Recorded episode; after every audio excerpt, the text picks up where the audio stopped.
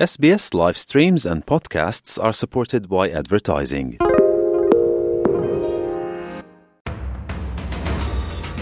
You're listening to SBS News. With no clear end in sight after over a hundred days of conflict in Gaza, world leaders have publicly disagreed over the future of governance in the occupied Palestinian territories. Israeli Prime Minister Benjamin Netanyahu has faced criticism from the international community, including from closest ally the US, over his rejection of the possibility of the often cited two state solution. Last week, Mr. Netanyahu spoke to Washington directly when he said he objected to any Palestinian statehood that did not guarantee Israel's security. In any future arrangement, settlement or no settlement, Israel needs security control over all territory west of the Jordan. This is a necessary condition and it collides with the idea of sovereignty. What can you do? I tell this truth to our American friends and I also stop the attempt to impose a reality on us that would harm Israel's security. The Prime Minister needs to be capable of saying no to our friends, saying no when necessary, and saying yes when possible.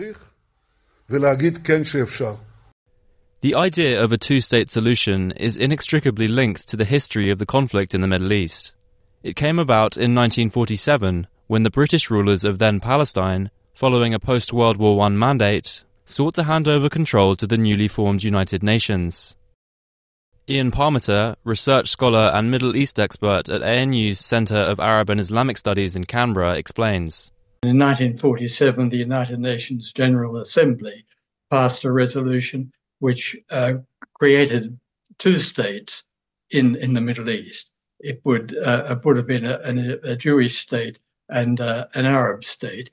Uh, the, the, the, Jewish representatives accepted the uh, the state that they were offered, but the Arab representatives, the Palestinian representatives, didn't because they said it was unfair Encouraged by their regional Middle Eastern allies, the Palestinians rejected the plans, which would have seen them keep land in Gaza, the West Bank, and Jerusalem, and in the north of the country, but cede control of large areas of land which until then had been part of a Palestinian state. That provoked Israel to wage its 1948 War of Independence, which saw the formation of the Israeli state, as well as the mass exodus of Palestinian refugees into Gaza, the West Bank, and the wider region. In the 1967 war, Israel briefly took total control of Gaza and the West Bank and began encouraging Israeli settlements, against Article 39 of the Fourth Geneva Convention, in those regions. Settlements in Gaza have since been dismantled, but have continued in the West Bank. Mr. Parmeter says this stands in the way of a resolution, along with the unpopularity of the two state solution in Israel, which is now the state recognized by most nations. The West Bank and Gaza would be the two areas where uh, a Palestinian state would be formed. But to do that, you would have, have to remove the settlers from the West Bank, and it would be impossible for any government, any Israeli government at this stage, to remove those uh, those settlers from, from from that area.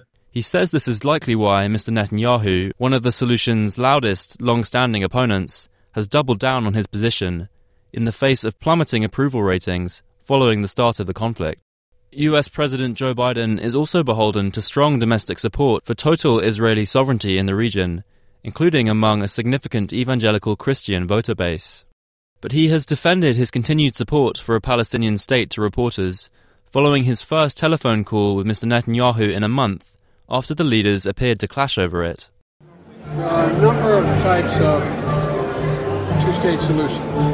There's a number of countries that are members of the UN that are still don't have their own militaries. A number of states that have limitations on it. And so I think there's ways in which this could work. But Bibi has said he's opposed to any of two, no, two-state no, solutions. But Mr. Netanyahu has poured cold water on that idea, saying he had firmly stood by his position and will continue to do so as long as he is Prime Minister. I emphasized to President Biden our determination to complete all war objectives and to ensure that Gaza will no longer pose a threat to Israel. That is why I insist that after we achieve complete victory, after we eliminate Hamas, there will be no factor in Gaza that finances terrorism, educator of terrorism, or courier of terrorism. Gaza must be demilitarized and under the full security control of the State of Israel. I will not compromise on full Israeli security control over all the territory west of Jordan. Nevertheless, international calls for respect for the two state solution have continued.